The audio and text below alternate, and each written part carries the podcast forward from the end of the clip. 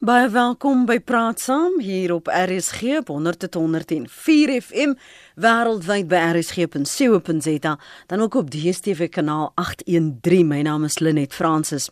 Die minister van Staatsveiligheid, Depo Letsatsiduba, sê die Staatsveiligheidsagentskap het reeds begin met die implementering van aanbevelings van 'n hoofvlak hersieningspaneel na die wetteloosheid van die agentskap.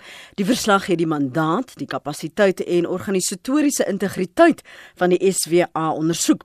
Intussen het oud-president Jacob Zuma op Twitter gesê hy is nooit ondervra deur hierdie hoë vlakpaneel nie, maar van die bevindinge sluit in dat die SWA gebruik is om politieke binnengevegte te veg, dat die grondwet geskend is en dat die voormalige president die proses gemanipuleer het. So vanmôre praat ons oor die rol en die verantwoordelikheid van die staatsveiligheidsagentskap in 'n demokrasie soos Suid-Afrika. Ons gaste is die ondersoekende joernalis Pieter Louw Meiburg. Môre Pieter Louw. Môre met en môre aan die luisteraars. En ons gesels ook met Theo Venter, politieke ontleder verbonde aan Noordwes Universiteit se besigheidskool. Welkom ook aan jou Theo. Goeiemôre. Theo, as jy nou die ABC van die SWA aan 'n leek moes verduidelik, waar begin jy? Hoe gee jy konteks? Wel die die heel eerste konteks wat ehm um, die heel eerste deel van die konteks is dat ehm um, die intelligensiegemeenskap funksioneer op 'n bepaalde manier binne 'n demokrasie. Dis die dis die heel eerste punt en met die skryf van ons grondwet in 1993 en die herhaling daarvan in 96 is daar baie nou lettend gefokus op hoe die intelligensie gemeenskap in die breë um, binne 'n demokrasie moet funksioneer vanweë die ervaring wat daar met soortgelyke instansies was voor 94. So dit was in 'n mate 'n regstelling.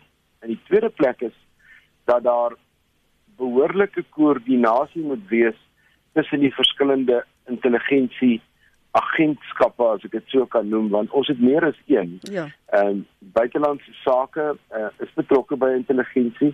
Uh, binnelandse sake is betrokke by intelligensie, die weermag is betrokke, die polisie en dan het ons nou die ehm um, uh instelling wat ons tot nou toe geken het as die staat ehm um, veiligheidsagentskap. En en die koördinering daarvan is 'n baie belangrike funksie wat in die verlede ook al skeef geloop het. En dan die laaste punt wat ek sou sê wat die belangrikste is, is in ons grondwet staan daar dat ehm um, alhoewel die ehm um, intelligensie gemeenskappe in die breë geweldig belangrik is en noodsaaklik is vir 'n land se veiligheid en noodsaaklik is om om om vooraf kennis op te bou om te weet van bedreigings en allerlei maniere hoe bedreigings nou ook al gedefinieer word, mag hulle nooit polities betrokke raak nie. Dit ja. wil sê hulle mag nooit ehm um, vir 'n politieke party werk of die teenoorgestelde is ook reg, hulle mag nooit teen 'n politieke party werk nie. Met ander woorde, jy mag nie hierdie geweldige kragtige instrument waaroor die regering beskik, naamlik sy intelligensiedienste, mag jy nie gebruik mm. om byvoorbeeld 'n grabber in die parlement aan te sit soos wat al een keer gebeur het of om mense se telefone te tap mm -hmm. waarvan jy nie hou nie en hierdie soort van dinge dit dit word eintlik eksplisiet verbied in die in die grondwet en dan as jy dit wil doen moet jy baie spesiale reëls hê so ek dink daai drie goed uh, hoe dit funksioneer in die demokrasie uh, hoe dit gekoördineer word in die demokrasie en hoe dit buite die politiek moet bly sou ek sê in die breë konteks. Maar as jy kyk Pieter Louw na die samestelling, was dit nog altyd so dat dit kwesbaar sou wees vir inmenging veral as jy in beheer is van aanstellings wie daar mag werk en die laaste sê het as dit ware. Nee, nee, absoluut net. Jy weet ek ek dink dit is een van die groot uh, probleme wat in die verslag uitgelig word, is die feit dat Jacob Zuma het 'n baie sterk agtergrond van 'n voorkeur vir sentralisering binne sy regering en dit het natuurlik ook van toepassing geraak op die manier hoe hy die intelligensie strukture geherstruktureer het in 2009. Kyk ons het onthou die TV daar verwys na die twee aparte intelligensie kapasiteite wat vroeër apart onder aparte dekmantels of binne aparte organisasies funksioneer het vernaam die uh, buitelandse intelligensie kapasiteit en die binnelandse ene Dit het geval onder die Nasionale Intelligensieagentskap, die NIA en die Suid-Afrikaanse Secret Service, die SASS vir die buitelandse intelligensieversameling um, gedoen het. En in 2009 het, het Jacob Zuma gekom en gesê dat ons het 'n uh, nood of ons ons ons kan um, uh, beter ons intelligensie vermoëns beheer vir een um, dak vernaam die staatsveiligheidsagentskap en dit is toe uit uh, daardie agentskap alles saamgegooi het onder een uh, dekmantel die SVA en dit sê die verslag is eintlik een van die groot probleme is dat Zuma nou jy weet wat hierdie sentralis is ewe skielik 'n baie sterker beheer gehad het oor die uitoefening van die SVA se aktiwiteite. Um, hy het 'n direkte lyn gehad na die minister van staatsveiligheid, mm. um, veral iemand soos Bonga Tswele en die later um, David Mashlobo en daar word ook verwys na die probleem van hierdie super DG wat binne die SVA gesetel was wat dan nou ook beheer gehad het oor die binnelandse en buitelandse kap kap uh, kapasiteit van die intelligensiedienste. En dit alles iemand se Zuma weet wat wat um, baie bekend is vir die sterk hand en sterk rol wat hy speel uh, binne in die staat en en sy invloed oor die topstrukture van die ANC en ook die regering wat die ANC beheer het. Sou dan vir Zuma 'n baie goeie posisie gestel het om die ANC uh, die die SVA met 'n eystervuis te beheer. Die feit dat hy destyds ehm um, met hom kom toe Sizwe en en verder in toe hy in Excel was juist daardie rol vervul het, was dit 'n gemaklike oorgang vir hom omdat daar baie van hierdie kontakte en vennootskappe bestaan het.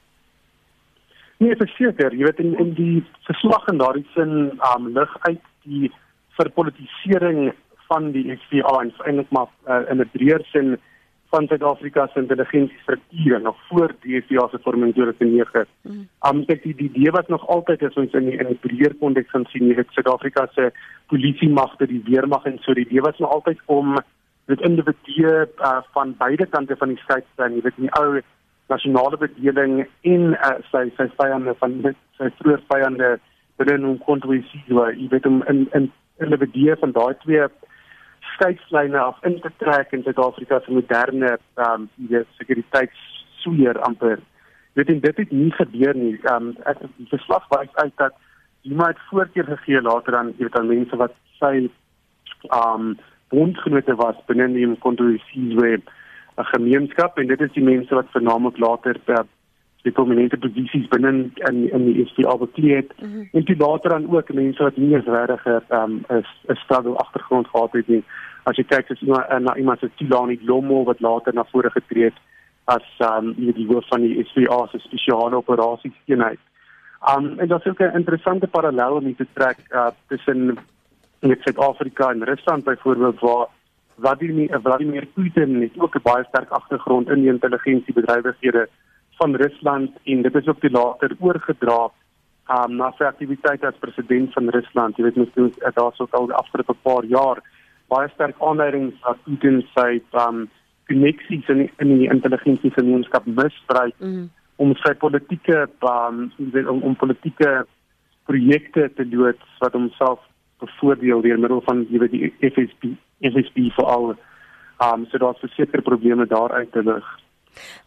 Louis, dit het dit het veral um na vore getree sou ek sê in die laaste 2, 3 jaar van Zuma se termyn met die prominente rol wat minister Mshlobo gous begin speel het. En um, baie meer so as Cele voor sy tyd dat hy feitelik by elke besoek feitelik met elke ding waarmee Zuma betrokke was, was Mshlobo erns in die agtergrond. So dit het dit het meer intens geword soos wat Zuma nader aan die einde van sy termyn begin beweeg het en ons weet nou al dat die verslag maak maak melding daarvan dat ehm um, daar is baie duidelike aanduidings dat die intelligensiegemeenskappe misbruik is in die ANC faksies op pad na Nasrek. So hier kom baie duidelike aanduidings uit van nie net uh, generiese oor, oortredings van reëls nie, maar baie spesifieke. Ek dink die die verslag verwys daarna as 'n 'n doctrinal of 'n doktrinale verskuiwing in in die besigheid van van die intelligensiegemeenskap. Baie dankie dat jy vir my aanhou Floris. Kom ons begin by jou goeiemôre. Goeiemôre Lenet. Môre aan jou gaste.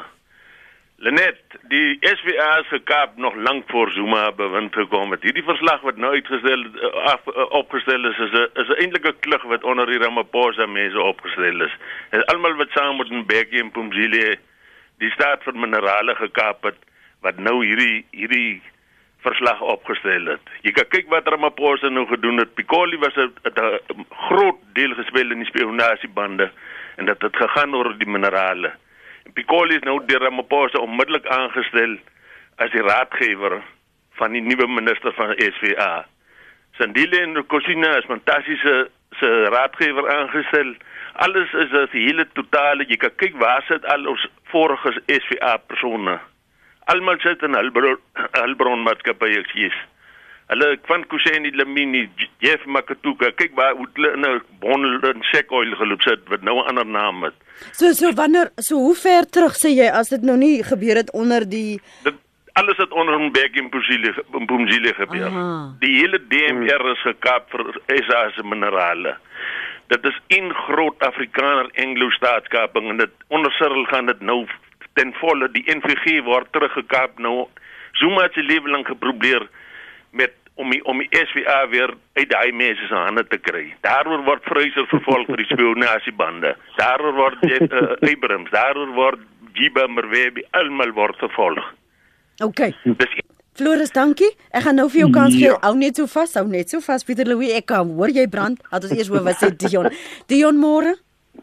Hallo net wonderlik om na jou opgewekte stem weer te luister na 'n lang tyd. Jy weet môre ook aan jou gaste. Môre, waar was jy dan? Ek het die vorige spreker net van 'n gestelling maak. Ek het die wonderlike autobiografie van uh, van Tony Leon onder Cantillary gelees. Waar in 'n paar bladsye vir my die ander geskep het dat Tabo Mbeki destyds basies die die wegbereider vir staatskaping was wat nou in in, in Zuma se tyd tot valle wasdom gekom het. Maar dit nou net net net so op die sideline. Die rede hoekom ek wel is die volgende. Mhm. Ehm um, ek is nie erkenner nie. Ek bestaan 'n absolute leek op hierdie gebied, maar die vraag wat ek wil vra is die volgende. As die staatsveiligheidsraad gekaap sou gewees het deur Zuma en wie ook al tot in watter mate het dit die strafregstelsel in die breë in die land gekaap en waar staan ons wat dit betref ons weet uh, uh, die die gewone man op straat het nie juis vertroue in die strafregstelsel van vandag nie en uh, beskou dit nie juis as as effektief funksionerend nie um, het hierdie tendens 'n uh, 'n uh, rol daarin gespeel hoe diep sny dit en en wat moet gedoen word om dit reg te stel Goed. Ek luister graag op die radio. Dankie, Baie dankie. Dankie Dion. Pieter Louw, kom ek gee jou kans? Ja, net ag ek wil net kommentaar lewer op die die eerste punt en dan Floris. Dan is dat ja, ek ek dink dit is dit die verslag wat moet in gedagte hou, die verslag vir ons skuldig genaamd glad nie die vorige bedeling nie. Dan um, uh, inteendeel dit lig eintlik uit die feit dat die verpolitisering van die die landsintelligensie strukture het eintlik hier rondom 2005 al problematies geword. Jy weet ons kan teruggaan daar in die dae van Belima Setla um, aan die hoof van die ou NEA, jy weet in daai eerste aanduiding van hierdie komende groot faksies gevegte tussen uh Joseph Zuma en en Tom Mbeki en hulle um, onderskeie aanhangers en so.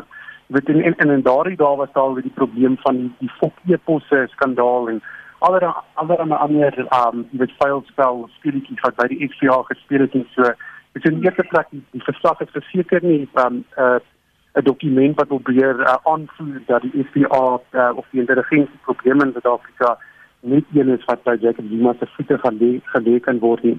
Maar ek dink waar ek maar net baie sterk geskil met hom is um, met die aanleiding dat Jacob Zuma is wat eintlik die wie die FBA of die, die probleme met die land se intelligensie wou oplos deur dit uh, jy weet uh, kwantsys weg te kry van allerlei ander uh, kapings entiteite of persone wat by by staatskaping betrokke is en so. Die verslag onthou dit is op, op feite geskuil en dit dat jy dit stuur weg van allerlei samesweringsteorieë so.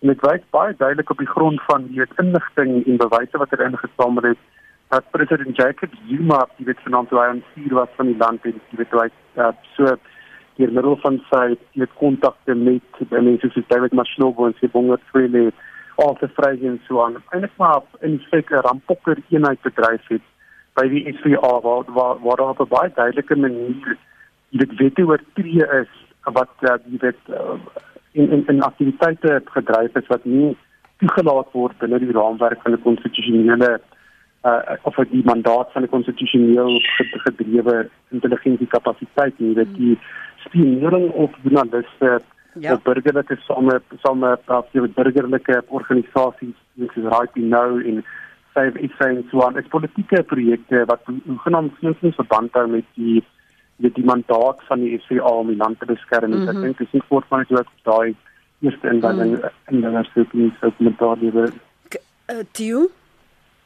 Ja, ek stem ek stem met Pieter saam en ek wil ook op die tweede vraag reageer, naamlik hoe het dit die strafregstelsel um, beïnvloed? Dit het baie bepaal invloed uitgeoefen op hoe die staat daardie ander baie belangrike funksie, naamlik die bestuur van die regstelsel, ehm um, hoe hy dit beïnvloed het uh, baie baie ernstig. Um, voorbeelde in die verslag van vakbonde wat gestig is tydens Marikana en hoe reëls oortree is, maar ek wil ook net daarom sê dat die verskynsel ehm um, het nou in die laaste 20 jaar in Suid-Afrika 'n spesifieke karakter aangeneem, maar dis nie nuut nie. Mm. Ehm um, in die ou bedeling was daar net so 'n uh, vol gevegte tussen tussen ehm um, die intelligensie gemeenskappe en selfs in in Amerika en in Engeland daar's 'n daar's 'n bekende um, reeks ehm um, spotprente spy versus spy wat uit Amerika se uitkom waar dit net so 'n groot probleem veroorsaak in Amerika se positielik met 'n binnelandse um, intelligensie uh eh, fasiliteit wat die FBI genoem word en ons sit met 'n buitelandse ehm um, vermoë wat die CIA genoem word, die Central Intelligence Agency en so aan. So lande sukkel met die goed om dit binne demokrasie te bestuur. In ons geval dink ek ehm um, anders as wat die eerste vraer probeer suggereer het. En wil ek met Pieter Louw saamstel die vlak waarop en ehm, die intelligensie gemeenskap in Suid-Afrika eintlik meneer Zuma se persoonlike intelligensie speelterrein geword het het verby 'n sekere punt gegaan en daar is anekdotiese getuienis van baie baie dinge wat skeef geloop het. Hoe die intelligensie gemeenskap veral binne die SSA veral sekere dele daarvan um, geld beskikbaar gestel het aan verskillende faksies. Um kundigheid. Onthou die die instellings handel eintlik in kennis of in kundigheid en dan sit Suid-Afrika met geweldige uitdagings as 'n land. Um die die die vlakke van water. Um waar ons water vandaan kom, hoeveel water ons het en hoe wat die krisis van water is. Dit is 'n dit is 'n intelligensie um krisis. Dit is 'n krisis vir die nasionale veiligheid van die land. Daar word bitter min navorsing daaroor gedoen. Dit is net so belangrik. Voedselsekuriteit. Um ek kan soveel ander goed opnoem wat eintlik die werk is van 'n intelligensie instansie om die staat hieroor te adviseer en die politieke advies wat hulle gee, se klein rolletjie Maar wanneer jy uh uh, uh die intelligensie gemeenskap begin gebruik in faksiegevegte in die regerende party, dan verloor jy al daai kapasiteit. En mense wat goed is daarin en het goeie mense met goeie kwalifikasies wat dit kan doen, verloor heeltemal belangstelling mm. en so stort so instelling in duie. Hierdie verslag was eintlik 'n poging om te sê hoe kan ons dinge weer regmaak? En jy sal ook sien dat hulle hulle self elke nou en dan uitspreek oor what went wrong. Wat het verkeerd gegaan? En kan ons dit wat verkeerd gegaan het regstel so gou as moontlik? Julle sal onthou dat dit dikwels berig oor hierdie sogenaamde truth and trust deficit. Want jy het nie meer geweet vir wie jy moet glo nie. Ons het die Tomoyane geval gehad. Ons het die 27 questions gehad vir Pravin Gordhan. Ons het die rogue unit gehad. Hoe hoe is hierdie goed misbruik?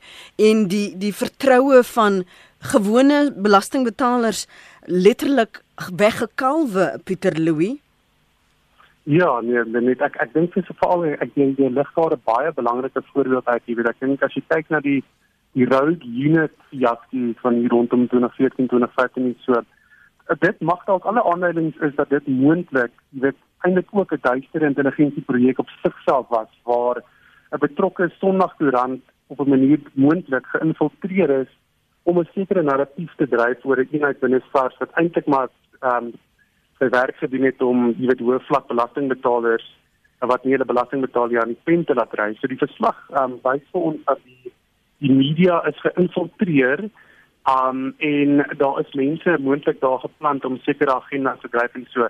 En dit is miskien moontlik waar die verslag 'n bietjie te kort skiet en waar Suid-Afrikaners met reg en ander en of meer besonderhede. Die verslag gaan nie regtig in in detail in in terme van wat gebeur het op daardie front nie. Dit is watter media instellings watter publikasies is geïnfiltreer en hoe dit gebeur dat daardie um met daardie publikasies eintlik maar aangewend is om propaganda te versprei wat Jacob Zuma se regering bevoordeel het en so. So daar is seker nog baie vrae te beantwoord, maar ek dink in die breër gesien, jy weet om om jou vraag te beantwoord oor met hoe die die uh, land se vertroue eintlik maar gebreek is en so. Stom wie uiteindelik ek dink jy het baie goed saamgevat vroeër in 'n nutshell uh moderne intelligensie organisasie ICO moet die land se belange beskerm. Hy het 'n konstitusionele mandaat om sy regering van goeie intelligensie te voorsien wat hom in staat stel om die land te bedryf op 'n manier wat tot voordeel is van al sy inwoners. En wat hierdie verslag van wys is dat die FCA totaal en al in die ander roete gegaan het en eerder in die uh, politieke rampokker eenheid vir Jacob Zuma ontaard het wat allerlei projekte gedryf het vir hom. Dit en ek dink die tweede manier hoe die die, die land se vertroue absoluut um, of hy hoe die FCA die land se vertroue totaal en al vermorsel het. Dis as mens in ag neem hoe daar met hulpbronne of hoe hulpbronne ja. geplunder is by die SVA.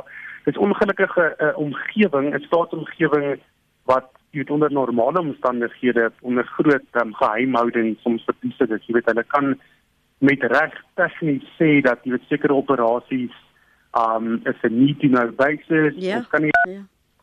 dat dat uitkom nie, maar ons het 500 miljoen rand nodig om hierdie projek op die been te bring sodat ons byvoorbeeld kan seker maak dat Al-Qaeda um nie jy weet 'n voetspoor in Suid-Afrika kry of jy weet 'n greep in Suid-Afrika kry nie.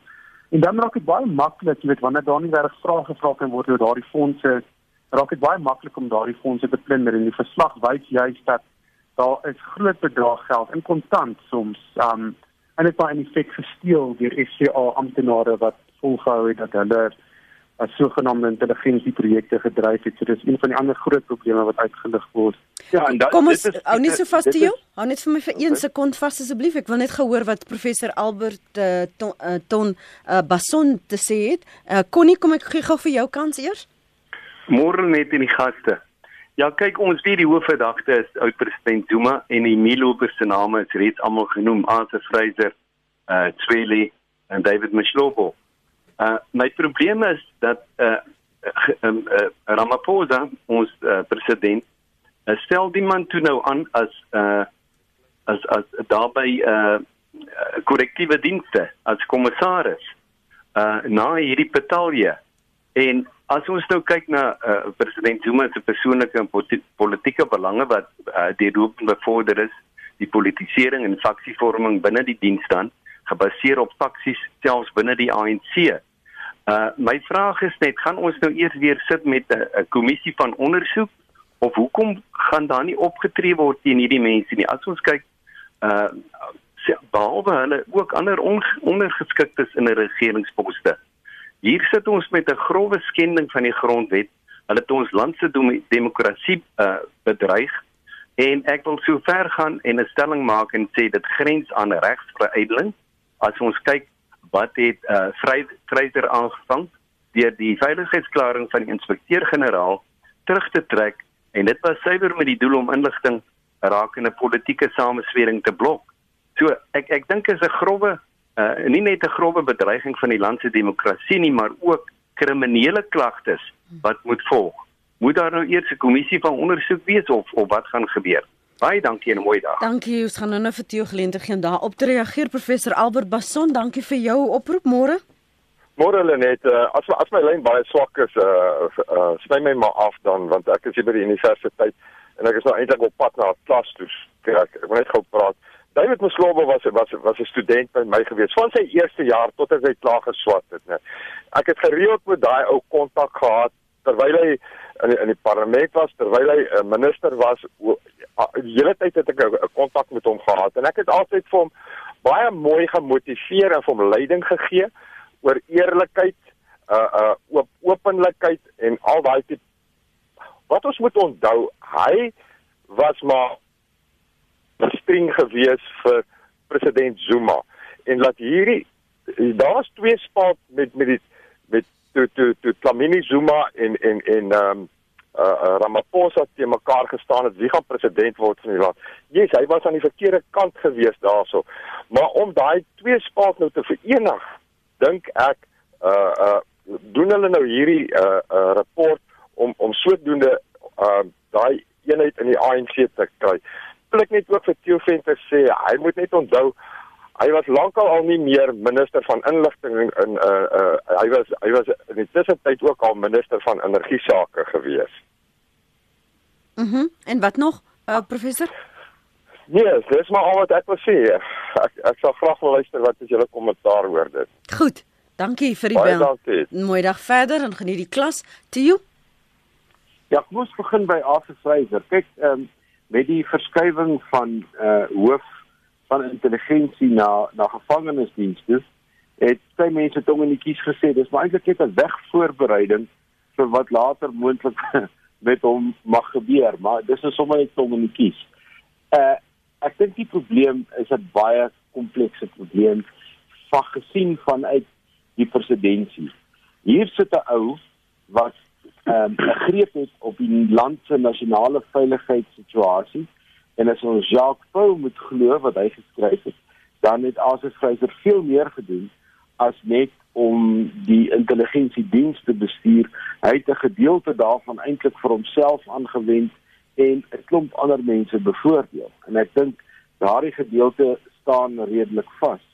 Ehm um, nou as jy die lang spel speel wat ons almal dink Ramaphosa mee besig is, dan is dit beter om so 'n persoon in diens te hou en betreklik naby jou te hou in terme van hoe jy hom bestuur op 'n dag tot dag of maand tot maand basis as wat jy hom uitskop en hy gaan sit aan die buitekant en hy begin van die buitekant af vir jou te reismuur. So dit is die moeilike keuse rondom iemand soos Adolf Fraser. Ek dink nie hy gaan hy gaan lank oorleef uh, in in hierdie posisie nie en soos wat hierdie goed ehm um, groter duidelikheid gaan ontwikkel. Onthou die verslag wat ons gekry het is 'n redacted report. Ek het probeer kyk wat redacted in Afrikaans beteken. Dit beteken iets soos 'n 'n verkorte of 'n geredigeerde weergawe van die oorspronklike verslag. So daar's definitief goed daar uitgehaal wat nie vir ons oor bedoel is nie. Maar ek dink nie Arthur Fraser ehm um, so so so so werksekuriteit is is baie hoog en baie lank nie. En dan wil ek op die tweede uh, luisteraar net sê ehm um, uh, ek is baie bewus daarvan dat hy geskuif is van een portefeulje na 'n ander. Maar dit is nou presies wat die kritiek is teen die teen die Zuma presidentskap. Ehm um, dit het nie beteken dat Mashobo opgehou het om 'n baie belangrike rol in die intelligensiegemeenskap te speel nie hy is net op 'n ander plek geplaas aangewend om op daardie stadium vir Zuma ehm um, die hele kern ding met die russe en dies meer te probeer bestuur vanuit 'n ander hoek uit. En dit is 'n uh, mens moet baie keer tussen die lyne ook hier lees. Hmm. Ek wil terugkom hmm. na na 'n punt wat ehm um, de Connie gemaak het wat wat ek wil hier julle moet aansluit. Jy het net nou genoem ehm um, Pieter Louw van hierdie projek wat meer 'n politieke projek was, het uitgewys die misbruik van hulpbronne baie van hierdie organie burgerlike organisasies wat geïnfiltreer is met kwessies uh, optogte soos fees mas vol wat legitieme kwessies was maar toe so 'n politieke klou en klem gekry het hoe weet ons want dit is die punt wat wat uh, kon nie aanraak die die wat betrokke is hoe weet ons ons is veilig? Hoe in hoeverre kan jy regtig regstelling maak as jy nie weet tot watter mate is daardie organisasies geïnfiltreer en wie hierdie ehm um, poppemeesters is nie? Want jy kan letterlik net op 'n ander agenda daardie mense verplaas. Waarom 'n uh, gesukkel om eersins ander mense se name te noem en dan te vervolg? Ja, nee, nee absoluut nie. Jy weet ek ek dink enige iemand wat in die die afgelope paar jaar breedweg gesien kon word as 'n vyand van president Jacob Zuma wat verseker dit het verseker risiko gelei om minstens sy of haar elektroniese kommunikasie onderskep te kry, e-posse, selfone, daai tipe dinge. Jy weet dit sluit in weet van burgerlike organisasies hier tot journaliste toe en ander sogenaamde vyande van Zuma en so. Jy weet dit is 'n groot probleem wat die verslag nou uitwys is wat fout gegaan het met die die SPA in die laaste paar jaar van Jacob Zuma se termyn as president, maar die groot probleem is weer eens as die tipe hervormings en veranderings uh nie teweeggebring word met ander woorde as die die SPA nie lyn gebring word met sy konstitusionele mandaat en onderhewig gehou word of dit verantwoordbaar verantwoordbaar gehou word dan moet van die wetgewing waarbinne hy moet funksioneer nie dan kan ons verwag dat daar nie 'n einde gaan kom aan die verpolitisering en die um, bedenklike intelligensieprojekte wat die FBI SPA uitgevoer het in die laaste paar jare ongeag van wie die land se president is of dit nou Cyril Ramaphosa of enigiemand anders is nie Um en dit is iets wat die die, die, die breë Suid-Afrikaanse samelewing en burgerregte organisasies in die media eintlik 'n baie um met sterk fokus op gaan moet behou. Dit om seker te maak dat die die kloue van die verpolitisering weet losgemaak word om 'n baie belangrike instelling soos die FCA en ook die, die land se ander intelligensiestrukture. Dit wat blik van 'n aanspring het 'n uh, opmerking oor die prosesse daarvan van die kampus af. Jy weet David Mashobo was minister van staatsveiligheid van Mei 2014 tot Oktober 2017. En dit is juis in daardie tydperk wat van die mees kommerwekkende projekte van stapel gestuur is. Dit was toe um, jy weet dat iemand se skiet daar nie domo aan die hoof van die SO spesiale uh, uh, um, operasies eenheid en altyd Fraser dat DG dit allerlei planne uitgevoer het om om Cyril Ramaphosa se um, se se um jy weet skryf om aan sy president te word te ondermyn om die Suid-Isa beweging wat buite parlement in 2016 protesaksies gehou het te ondermyn en so voort. So definitief vir meneer Maslowo van die bestaan is in die middel van baie van hierdie problematiese bedrywighede. Tio? Ja, nee, ek ek stem saam in die die groot die groot uitdaging hier is om uit hierdie krisis uit te kom en en met 'n met 'n beter struktuur te kom en ek dink die verslag doen baie werk om voorstelle te maak rondom terugkeer na ehm um, 'n uh, intelligensiegemeenskap wat 'n binnelandse fokus het mm -hmm. en 'n ander struktuur met 'n buitelandse fokus en dan kom hulle met 'n met 'n voorstel dat die um, die koördinering van al hierdie intelligensie wat 'n enorme bate is en wat verskriklik belangrik is in die bestuur van 'n moderne staat. Dat dit kan nie sit in 'n departement nie, want tot nou toe het die sogenaamde Nikok in 'n departement gesit.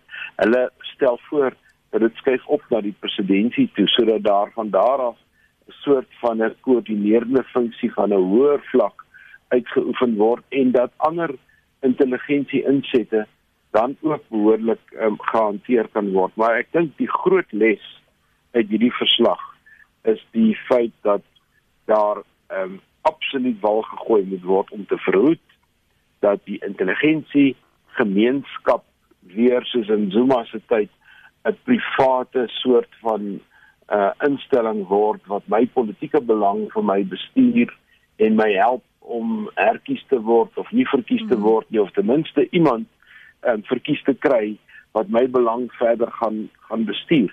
On, onthou ons eerste vraag vind vind vanoggend was iemand wat gesê het hierdie is maar net 'n ander vorm van 'n samesworingsteorie wat net op 'n ander manier lyk. Dis presies om daai innuendos en daai suggesties uit die stelsel uit te kry en uh, ek dink hierdie verslag is wat my aanbetref op die regte pad. Ons luister aan hy môre. Môre net, môre en lede gaste. My eentjie vanoggend, ek is nou bang hy word vrot. Want soveel keer her haal 'n mens in u self die grondwet maar jy kan nie daarvan weghardloop nie. Nou stuk 5 bepaal tog so uitdruklik in artikel 83b die president moet die grondwet as die hoogste reg van die republiek handhaaf, verdedig en eerbiedig. Nou, is ons president lyk vir my alweer besig om nie daai moet verpligting na te kom nie. Die SGA moet die staat beskerm, nie die ANC of 'n individu nie. Al die verkeerde goeders wat Zuma gedoen het, jy sal 'n baie dik boek skryf daaroor. Wanneer gaan president Cyril Ramaphosa optree en sorg dat die grondwet nagekom word. Dis regtig wat my herinner. Baie dankie vir jou mooi program weer eens. Dankie Anne. Kom ons praat gou oor die terugkeer. Hy praat van verantwoordbaarheid. Dit is duidelik dat Hmm. hierdie agentskappe politieke speelbal geword het. Theo, jy beklemtoon die heeltyd uh, moet 'n terugkeer wees. Die strukture moet dalk geskei word sodat daar onafhanklikheid kan wees. Maar het ons net te lank gewag nie. Ons het nou die aanstelling van Shamila advokaat Shamila Betoy. Gaan dit werklik 'n verandering meebring Pieter Louw? Wel, net net die tyd gaan leer net.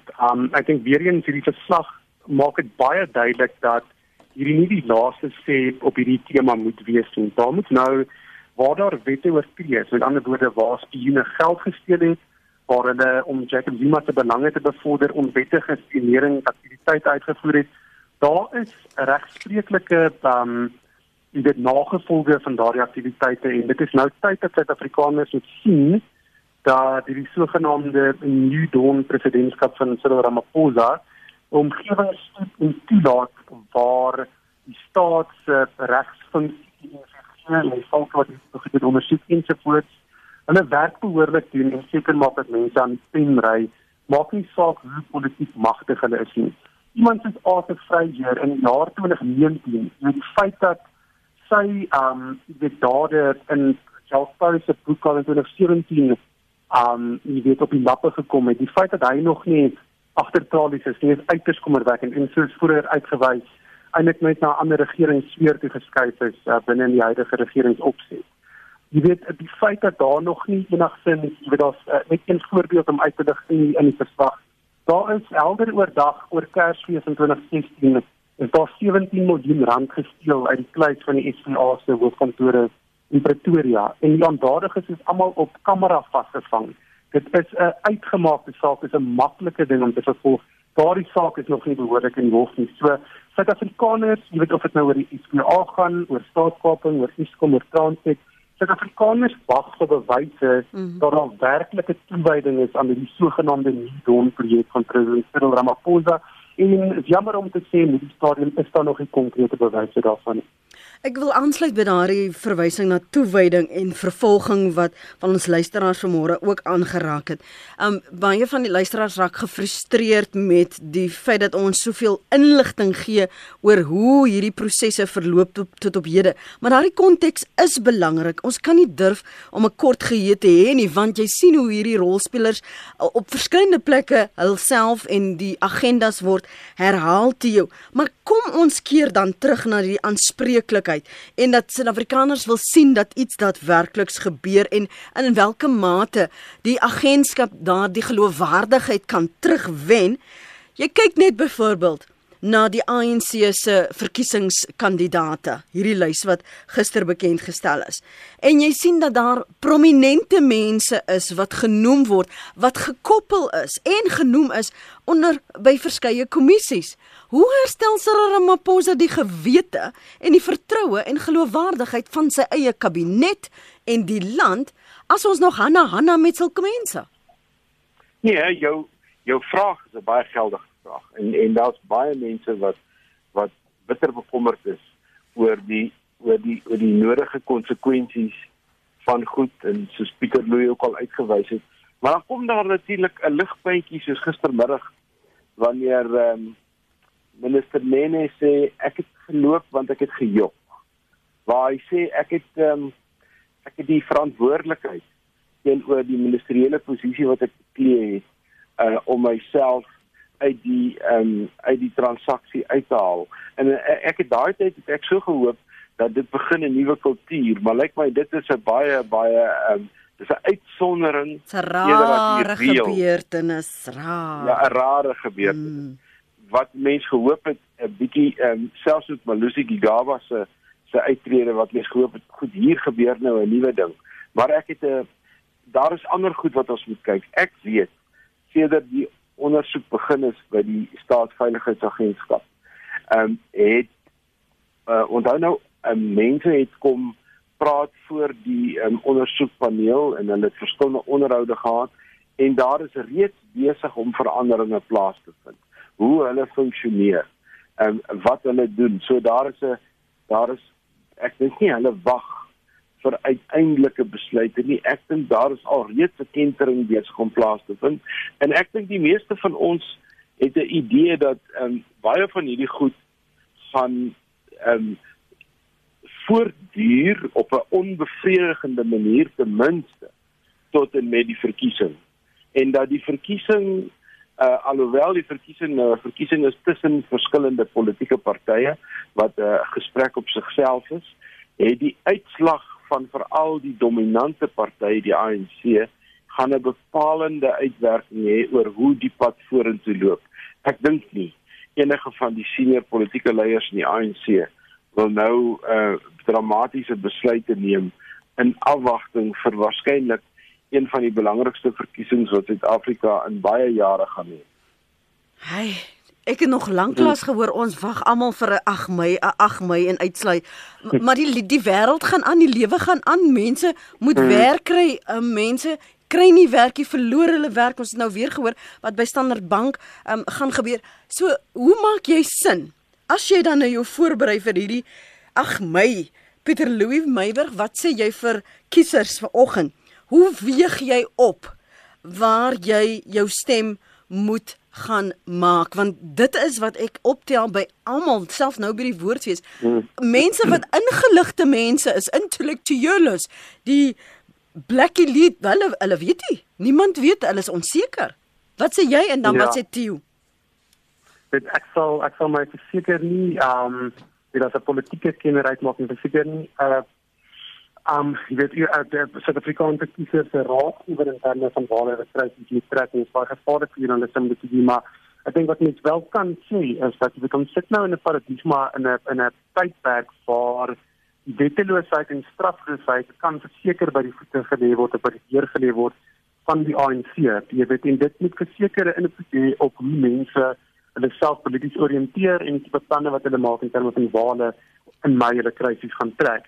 Ek dink om dit terug te bring, jy weet na die NCA verslag toe, dit is uiters problematies dat iemand soos David Maslobo nog steeds uh, nommer 28 op die ANC dit is 'n lys van die leiers van parlement om um, homself te vind. En en nou Zwane en Zwane kan jy maar byvoeg. En Zwane staat er op die lys van Smith om nou spesifiek nou hier na die NCA verslag te kyk en so. Die feit dat iemand soos Arthur Fraser nie gearresteer is al in hierdie stadium is uiters problematies en ek stem saam met wat hier vroeër gesê het, jy weet daar's daar definitief hierdie tipe van 'n um fyn balanseer tuurtjie wat Cyril Ramaphosa nou moet uitvoer voor die verkiesing, dat jy wil nie dat jy dat daar seker daadwerklike aksie is wat dit absoluut jou party se kant is vir hulle weer om te kies mm. vir die stem, maar dit in sigself is vir my uiters uiters problematies. Dit beteken dat in die Cyril Ramaphosa era is die, die staatskapasiteit en staatsfunksionering nog totaal en al verpolitiseer en word gedikteer deur die ANC se belange en nie die land se belange nie. Um as jy bloot om dit die safe face en om jou om om te verseker en af te um op 'n manier 'n invloed uit te vind dat iemand is afgevryger nie vandag gearresteer word nie. Dan wys dit dat jou belange um by ANC se belange weeg nog steeds swaarder as die die land se belange die geval is het Cyril Ramaphosa amper net so um groot aanspreeklikheid as Jacob Zuma. Tio, ons sluit af met jou.